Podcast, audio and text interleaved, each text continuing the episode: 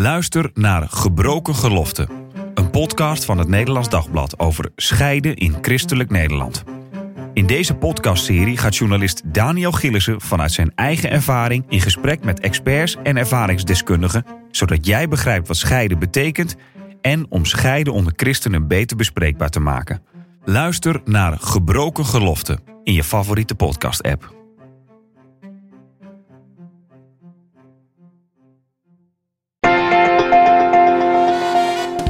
De Sekspodcast. Christenen over relaties, liefde en seks. Leuk dat je luistert naar de Sekspodcast van het Nederlands Dagblad. Daarin praten we over relaties, liefde en seks met psycholoog, seksuoloog en relatietherapeut Phoenix de la Fosse. Mijn naam is Marien Korterink. Het Nederlands Dagblad heeft een uitgebreid onderzoek over seks gedaan onder christelijke studenten. En daarin zijn verschillende thema's voorbij gekomen, zoals sexting, porno, seks voor het huwelijk en praten over seks met vrienden en je ouders. Die thema's bespreken we in deze podcast. In deze eerste aflevering hebben we het over praten over seks en de seksuele opvoeding. En zoals gezegd, Phoenix de la Fosse, mijn gast vandaag, om ons uh, ja, te verlichten zou ik bijna zeggen. Fijn dat je er bent, Phoenix. Dankjewel.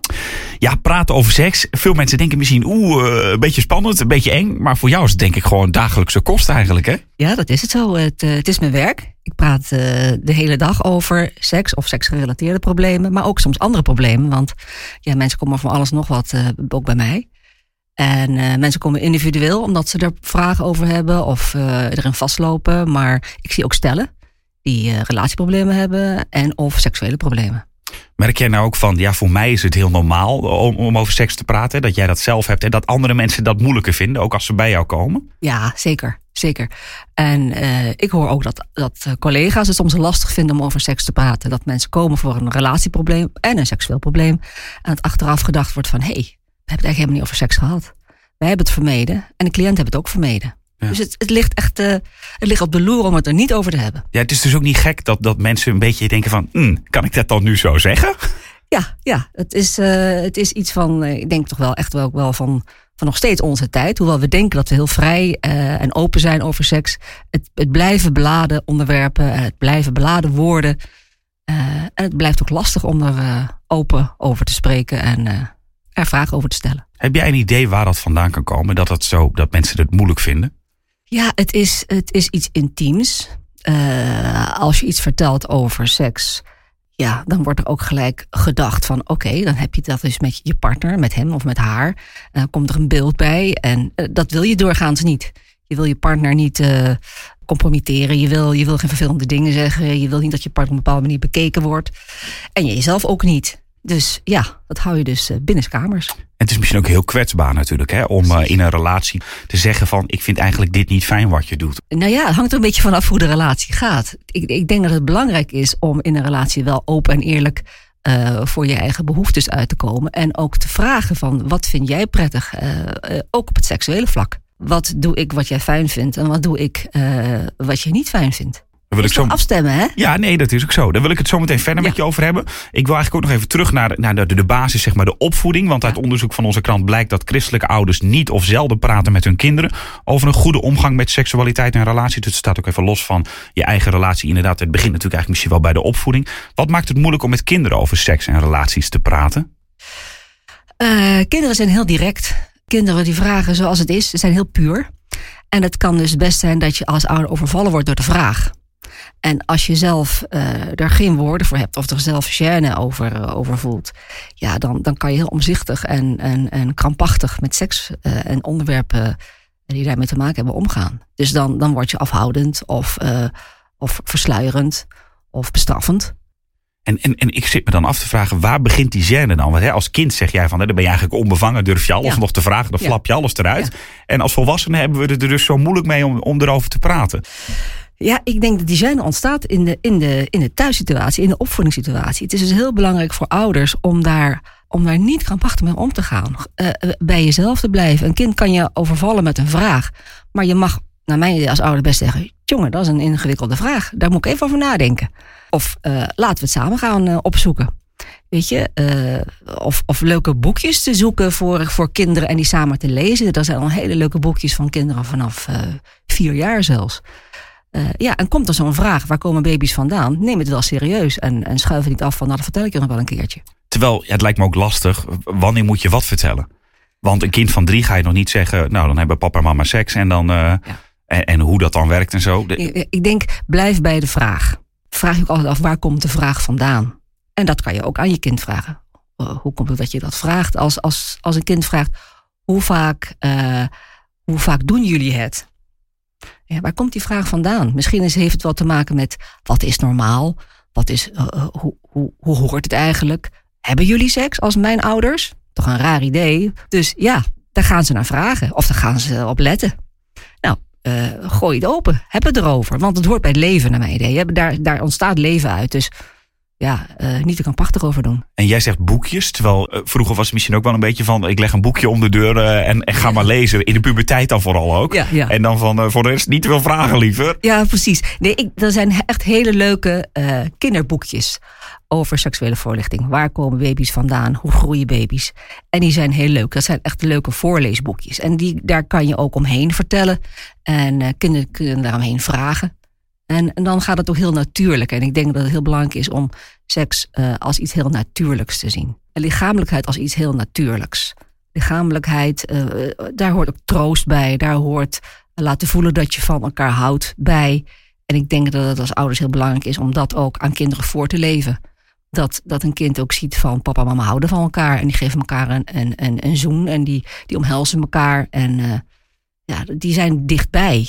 Ik denk dat dat heel belangrijk is kind om dat te zien. Dat is dus het, vooral dat zien. Dus dat boekje moet je vooral niet los doen, begrijp ik. Hè? Je moet echt... Nee, het hoort in de context naar mijn idee van... dit is gewoon, dit is normaal. Zo, zo, zo, zo, doen, zo doen mensen, zo doen wij. En je mag erover vragen. En we houden het bij die vraag. We gaan er niet gelijk een eh, Latijnse encyclopedie bij halen. eh, en allerlei moeilijke woorden ge- gebruiken. We houden het in de Jip en Janneke taal. En we houden het bij jouw vraag. Bijvoorbeeld eh, iemand vraagt van hoe, hoe worden baby's geboren? En dan, dan vertel je als ouders... Dan, dan vertel je dat. Hoe baby's worden geboren. eh, eh, maar ook alleen dan dat. En je vraagt van, en heb je nog een vraag? Eh, Of je zegt, als je nog een vraag hebt, kom gewoon naar me toe. Of je zegt, weet je wat, laat ik een leuk boekje voor je zoeken. Als je denkt, wow, dat is moeilijk. Hoe, wat voor woorden moet ik daar aan geven? Dan ga ik een mooi boekje voor de bibliotheek, de bibliotheek voor je halen. Of gaan een leuk boekje zoeken in de boekwinkel. Gaan we samen bekijken. Ben jij ook van het expliciet eh, dingen benoemen dan? Want ik weet dat ze bijvoorbeeld in de Luizenmoeder was zo'n serie natuurlijk. Mhm. Dan ging het volgens mij over papa en mama gaan eh, extra extra knuffelen of zoiets, zeg maar. Vind jij dat je dan ook moet zeggen, dan gaan papa en mama eh, gaan gewoon seks hebben? Hangt heel erg van het kind af. Hangt ook heel erg van je eigen, eh, eigen vrijheid daarin af. Eh, Zo belangrijk om er niet krampachtig over te doen. Als je het liever knuffelen knuffelen noemt of extra knuffelen, dan noem je het extra knuffelen. En Wil je het vrije noemen, dan noem je het vrije. Het is ook echt waar je zelf je gemakkelijk bij voelt. Dat is heel belangrijk. Terwijl ik me kan voorstellen, het maakt het ook ingewikkelder. Want dan moet je eerst extra knuffelen zeggen. Dan moet je later zeggen, nou dat is eigenlijk toch gewoon seks. Ja, maar weet je, als, het, als je er nooit over hebt, eh, dan blijft het ook in de geheimzinnige hoek. Ik denk dat het eh, ook eh, iets mag zijn van het dagelijks leven. Wat kinderen ook weten van papa en mama die hebben seks. Papa en mama willen nu niet gestoord worden. Zoals kinderen in een hoekje willen spelen en niet gestoord willen worden, willen ouders soms ook spelen en niet gestoord worden. En de- dat kan je op die manier dan ook uitleggen. Van jullie hebben soms dat je niet gestoord wil willen. En papa en Ja. mama hebben dat soms ook. Ja, ja, Ja. precies. En als het pubers zijn, jullie hebben je chillplek, we hebben ook onze chillplek. Want wa- waar begint die seksuele opvoeding? Is dat eh, gevoelsmatig, denk je misschien, eh, dacht ik vroeger van dat begint bij de puberteit, maar dat begint eigenlijk al veel eerder, denk Ja, ik. het begint eerder. Het begint veel eerder. Kinderen die, die pikken zoveel op, die horen ook zoveel. Eh, dus hou je kind goed in de gaten. Dat is heel belangrijk. Volg de, volg de ontwikkeling van je kind en, en neem vragen serieus. Of als je merkt van eh, mijn kind is heel erg nieuwsgierig, gooi het open. Vraag van wat wil je weten? Of is er iets wat je wil weten? Moet je als ouders zeg maar het initiatief nemen? Of moet je zeggen van mijn kind komt vanzelf met de vraag? En dan ga ik erop reageren. Nou, ik denk dat het allerbelangrijkste is dat je je kind volgt. En, en, en ja, het is het mooiste als, als het kind het zelf vraagt. Maar dan is daar ook een atmosfeer thuis waarin het kind het eh, ook voelt, ik mag van alles vragen. Dus, en ja, daar ben je als ouders natuurlijk helemaal zelf bij. In wat voor sfeer voed je op? Eh, zien kinderen dat papa en mama ook allerlei dingen aan elkaar vragen? Is het gewoon om dingen te vragen? Mag het? Of is het eh, storend? Of is het eh not done om dat te doen? Heb je ook nog tips voor ouders? Want ik kan me voorstellen dat het een struggle is. Zeg maar, van dat je dan denkt van, oeh, daar komt die vraag. Je verwacht hem soms ook niet. Hè? Misschien Ja, dus met kinderen soms, dan sta je even te koken. Ja. Je bent helemaal gesloopt van een werkdag. En dan patsboom komt er ineens zo'n vraag. Wat is porno? Ja. Nou ja, en dan? Nou, misschien als de vraag je overvalt, vraag van uh, hoe kom je op die vraag? Het kan van alles zijn. Het kan iets zijn wat uh, gehoord is. Het kan iets zijn wat gevonden is. Uh, het kan iets zijn. Het kan van alles zijn. Eerst maar weten waar de vraag vandaan komt. En van zomaar, nee, niet zomaar. Kom, weet je, even wel serieus nemen. Je mag er nou helemaal naar vragen hoor, maar ik wil ook wel even weten waar die vraag vandaan komt. Weet je, zo dat. Gewoon, neem het wel serieus, zonder het gelijk als een soort van uh, een noodbel te zien van, oh hemeltje. Het gaat beginnen. Wat, ja, wat, ja, ja. wat is dit? Heb jij ook tips voor ouders, zeg maar, van wat, wat, of wat je ziet wat vaak misgaat? Schrik van ouders. Uh, wat doet mijn kind nou? Mijn kind uh, rent in zijn blote kont uh, door het huis en dadelijk rent hij naar buiten. En wat vinden de buren dan? Um, of, dat begint daar, dan, heb, ja. dan doe je, als je het hebt over de omgeving, ja. zeg maar, hè, van ja. klimaat en atmosfeer, dan bedoel je dit soort dingen eigenlijk ook. Of een kind is heel vrij in vragen. En ja, dat je bang bent van, maar dadelijk gaat mijn kind ook wat aan andere mensen vragen. Moet hij vooral niet doen of moet zij vooral niet doen? Uh, en dan kan je dus daar heel uh, krampachtig op gaan reageren of bestraffend op reageren, waardoor het kind denkt van, oh, dit is blijkbaar niet goed. Of ja, je kijk, leg uit van, nou, hier mag je er altijd over vragen en uh, is allemaal oké. Okay, maar er zijn plaatsen waar je dat beter niet kan doen. En dat is dan niet zo fijn. Dat is dan buiten het huis. Bijvoorbeeld buiten het huis, ja dat onderzoek is gedaan onder studenten. Het is nog weer een andere fase dan echt als je kinderen van vijf of tien hebt. Dan moet je zelf als ouder heel actief die seksuele opvoeding gaan doen. Misschien hè, dus met boekjes. Uh, zorgen dat ze erover willen praten. Ja. Um, is het dan uh, bij studenten weer heel anders? Omdat studenten er misschien minder makkelijk over praten. Omdat, ja, omdat zij denken, ja, mijn ouders zijn dat. Dat het meer iets is, seks praat je met vrienden over. Uh, ja, ik, ik denk, het, het, het hangt er zo van af hoe de sfeer is, hoe de relatie is tussen ouder en kind. Uh, ik was een keer bij vrienden en uh, die hebben een zoon die was toen 15 en het was uit met zijn vriendinnetje. En hij kwam thuis en hij plofte op de bank neer naast zijn vader. Hij deed zo zijn hoofd tegen de schouder van zijn vader. En zijn vader deed automatisch zijn arm om zijn, om, om zijn zoon heen. Ja. Nou, zo, zo mooi. En uh, hij zei zoiets van balen, hè. Ja, en, ik denk van, nou, dat, dat, ja, hoe mooi is dat? Dat je als zoon van, van 15 op de bank neer kan ploffen tegen je vader aan en je vader die doet zijn arm om je heen. Uh, dat, dat, dat zijn dus straks uh, jonge mannen die uh, ook zeggen van pa, ik heb iets ontzettend naars meegemaakt. Of ik moet je iets vertellen. Want dat weet je toch uiteindelijk als ouder. Dat, dat een kind, hoe oud hij ook is, bij je komt als er, als er Ja. problemen zijn of als er Maar, vragen zijn. maar, maar is dat op het gebied van seks ook eh, realistisch om dat te verwachten? Dat ze in hun studententijd, dat ze, eh, de, bij wijze van spreken, als ze allemaal gekke dingen doen, dat ze Ja, denken, mijn ouders zullen dit niet goed vinden. Kijk, in je, op een gegeven moment in de puberteit, dan wordt de peergroup toch veel belangrijker dan ouders. Je wil je ook afzetten. Je wil toch je ouders stom vinden en, eh, en raar en moeilijk. En, dus dat hoort daar ook bij. En, en eh, hoeveel waarde je dan aan vrienden hecht en, en hun mening, dat, dat, dat verschuift. Dus eh, ja, dat gaat automatisch naar, naar, naar, naar de peergroup. Van, dat je het daarover hebt. Eh, hopelijk. En moet je dan als ouders pushen zo van, eh, hè, want eh, die fase is natuurlijk van dat, dat ze inderdaad meer met hun vrienden optrekken. Misschien thuis zegt vragen van hoe was het op school? Ja, prima. En dan willen ze er verder niet te veel over vertellen. En op, nou, op seksgebied dan al helemaal niet. Moet je dan als ouders pushen en, eens eh, bij hun op de kamer gaan zitten van, hé, hey, hoe zit het daarmee? Of moet je dat gewoon loslaten? Ik zou het loslaten. Ik zou het loslaten. Ik zou wel, wel ervoor zorgen dat je je eigen zorg eh, wel hebt verwoord. Zodat je niet weer in die kramp schiet. Als je denkt van ja, maar dadelijk ga je allerlei dingen delen op social media. En weet jij wel, overzie jij wel wat dat allemaal kan betekenen. Geef het wel aan als dat je zorg is. Maar, maar doe dat ook weer open. Ga niet controleren, stiekem. Weet je, eh, vooral niet stiekem. Wat is daar het gevaar dan van? Stiekem controleren, ja. Als je daar als, eh, als jong meisje of jonge man achter komt, dat je ouders je zitten, stiekem zitten controleren op dat vlak, dat, dat schept geen vertrouwen. Ik denk dat wederzijds vertrouwen en openheid heel erg belangrijk is daarin. En dat je ook als ouder kan zeggen: Ik snap het je dat niet met mij wil bespreken. Ik snap het je vindt dat dat me niet aangaat. En dat is ook zo. Joh, wat jij doet, doe jij, maar wees wel voorzichtig. Ik denk dat vooral christelijke ouders misschien ook nog bang zijn van, die hebben een idee over hoe seks moet zijn. Ja, En, en dat ze bang zijn, mijn kind doet het misschien anders. En voelen kinderen dat misschien dan ook aan? Dat ze denken, ja, ik, ik kan nu dit eigenlijk niet vertellen. Bijvoorbeeld, ik heb een relatie en ik heb seks. Want mijn ouders vinden dat überhaupt al niet goed. Dus ik kan ook niet de struggle delen. Eh, Ja, kijk, als je als ouder kan, kan voorleven van uh, je weet welke normen en waarden ik aanhang. En dat is voor mij en voor ons heel erg belangrijk. En daar leven wij naar. En, en, we hopen dat jij die waarden ook overneemt. Ja, dat is wat je als ouder hoopt. Dat je, dat je kind die waarden overneemt. Maar naar mijn idee kan je het niet afdwingen. Het is heel belangrijk dat iemand daar echt zelf voor kiest. Dus ja, misschien is het ook wel de weg van die jongeren om daarin uh, toch grenzen te zoeken. En ik denk dat hoort wel bij, bij die leeftijd. Om de ja. grenzen op te zoeken. Te kijken van wat, wat geldt voor mij? Waar sta ik achter? Want ik denk dus dan soms inderdaad, als je, die, als je dat leest, hè, van, dat, dat je die botsing ziet van een student of een tiener wil eigenlijk afstand nemen even. Want dat hoort bij die fase misschien ook. En de oude die wil juist die normen en die, die ideeën meegeven. En dan, dan krijg je van dat kind vlucht weg. En de oude die vlucht er eigenlijk achteraan. En het kind rent alleen maar harder weg misschien. Dus zeg als ouder dat, dat je het doet vanuit zorg. En dat je snapt dat dat heel vervelend kan zijn. Maar dat, ja, dus leg wel uit waarom waarom je misschien boos bent of je zorg, uh, dat, uh, ja, boos bent of, of negatief reageert. En dat dat niet de bedoeling is, maar dat het te maken heeft met zorg. Dat maakt het misschien al wat makkelijker te verteren voor de jongeren. Als het gaat om en, en laat los. Ja, ik bedoel, laat wel los. Opvoeden is loslaten, zeggen ze wel eens. Hè? Ja, ja. ja.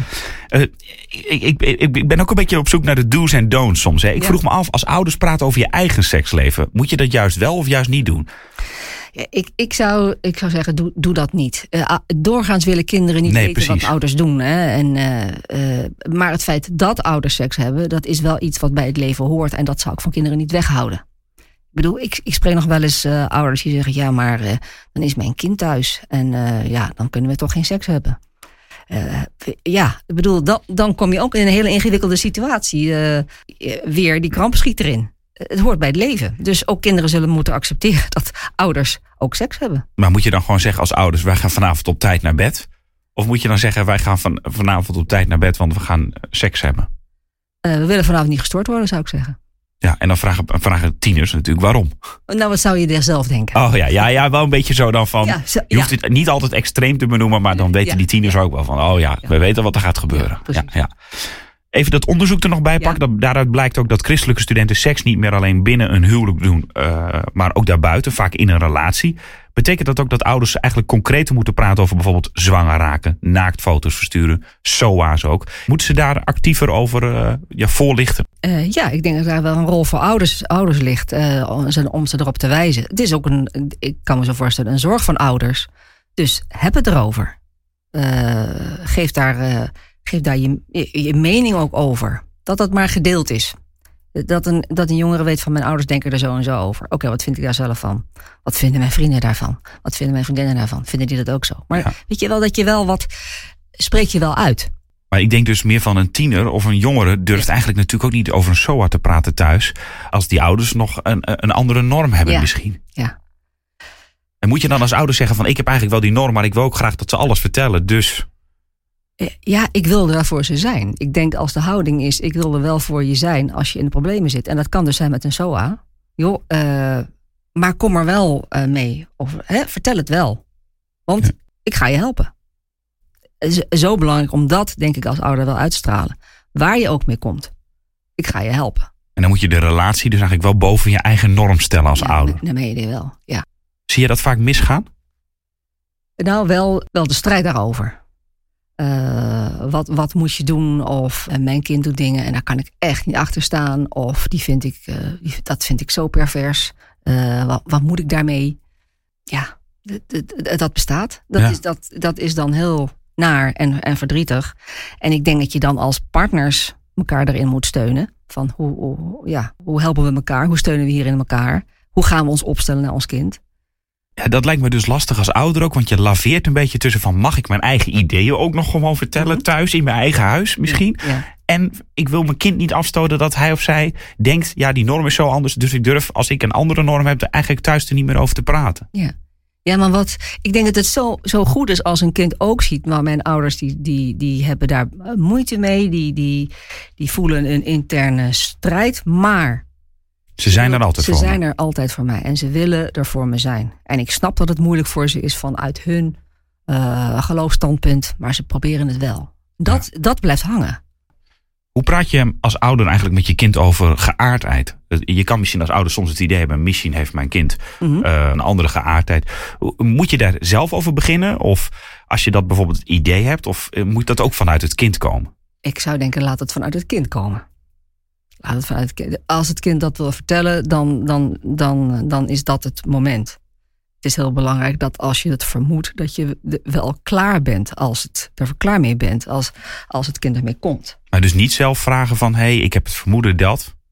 Eh, nee, waarom, waarom zou je dat doen? Omdat je hem of haar wil helpen misschien. Als dat, de, als dat het oogmerk is, dan zou ik dat er wel bij zeggen. Maar jij zegt eigenlijk, ik zou het niet doen. Ik zou het niet doen. Ik zou wachten tot het kind zelf eh, daarover begint. Tenzij je zo duidelijk allerlei gedraaien ziet. Dat je denkt, wat, zit je nou, wat wil je nou eigenlijk zeggen? Iedere keer kom je de kamer in en kijk je en kijk je en ga je weer weg. Is er iets? Wil je me iets vertellen? Kan je dan zeggen. Is het sowieso met seksuele opvoeding en, en opvoeding als het gaat om relaties, dat, dat het initiatief eigenlijk altijd bij het kind ligt? Ja, want ik denk zo belangrijk bij, bij, bij seks dat er eh, te realiseren dat er wensen en grenzen zijn. Eh, en die moet je respecteren. Dus als het kind eh, de grens nog heeft van eh, nu nog niet, dan moet je dat respecteren. Het kind Ja. geeft het zelf al aan. Ja. Eh, dat, dat moet je dus zowel als, als, als partners, als sekspartners, maar ook tussen ouder en kind, denk ik heel goed weten. Wat zijn mijn wensen en wat zijn mijn grenzen? En wat zijn jouw wensen en wat zijn jouw grenzen? Maar als ouders wil je ook leren van de- een ander heeft ook grenzen. Ja. En misschien ben je bang dat, dat, dat je dat niet hebt verteld voordat hij of zij seksueel actief wordt. Daar moet je dus al snel mee beginnen. Met wensen en grenzen laten voelen. Dat is ook die lichamelijkheid waarvan ik zeg van nou, dat is zo belangrijk in de opvoeding. Dus het, bijvoorbeeld met de stoeien met je kind, daar kan je al eh, een kind leren van wensen en grenzen. Wanneer vind je het niet meer leuk dat stoeien? Dan zeg je stop. En als je zegt stop, dan stoppen we. Dus je kan het stoeien eh, ook echt zien als een opvoedkundig middel. Om in je lichaam te voelen, dit vind ik niet meer leuk. En dan zeg je stop. En, en eh, als je dan als, als ouder stopt met stoeien en het kind begint gelijk weer, dan bespreek het. Hé, hey, je zei stop. Als jij stop zegt, dan stop ik. En nou begin je weer. Nou weet ik het niet meer. Weet je, dus eh, bouw het ook uit. Ja, dan zie je eigenlijk dat seksualiteit en de seksuele opvoeding ingebed is in alle andere facetten. Alle en als je op, in, op dit soort, eh, hè, met stoeien hebt geleerd van ik stop als jij zegt ik wil niet meer, dan leert een kind ook van dat kan ik bij seks misschien ook zeggen. Ja, want dat kan straks een, eh, een vriendje of vriendinnetje ook zeggen. Stop, ik wil niet meer. Je kan het ook met, met de hond. De hond wil niet meer geaaid worden, dus nou moet jij stoppen. Ja, maar ik vind het leuk. Ja, jij vindt het leuk, maar de hond niet meer. Dus dan stop je. Weet je, daar zit ook al voorbereidend in naar seksualiteit. Zo ga je met elkaar om. Ik weet dat jij dat heel erg hebt. Hè, van, je, moet, je kan hem dat soort dingen allemaal dat al meegeven. Ja. Eh, eh, zijn we daar met z'n allen genoeg bewust van? Of zie je eigenlijk ook... Ja, nee, Ja, nee. nee? Helaas niet. Helaas niet. Ik denk dat, dat, dat ouders nogal wat, wat kansen voorbij laten gaan. Eh, ook door de drukte van, van de dag. Ja, dat ouders denken van, nou oké, het eten is klaar. En eh, het eten, eh, oké, het is opgeruimd. En dan nog een verhaaltje en dan slapen. En eh, nou, pff, wij zijn zelf ook zo moe. Ja. Terwijl ik denk, laat dan de tijd die je met elkaar hebt, echt quality time zijn. Waarin je dingen meegeeft.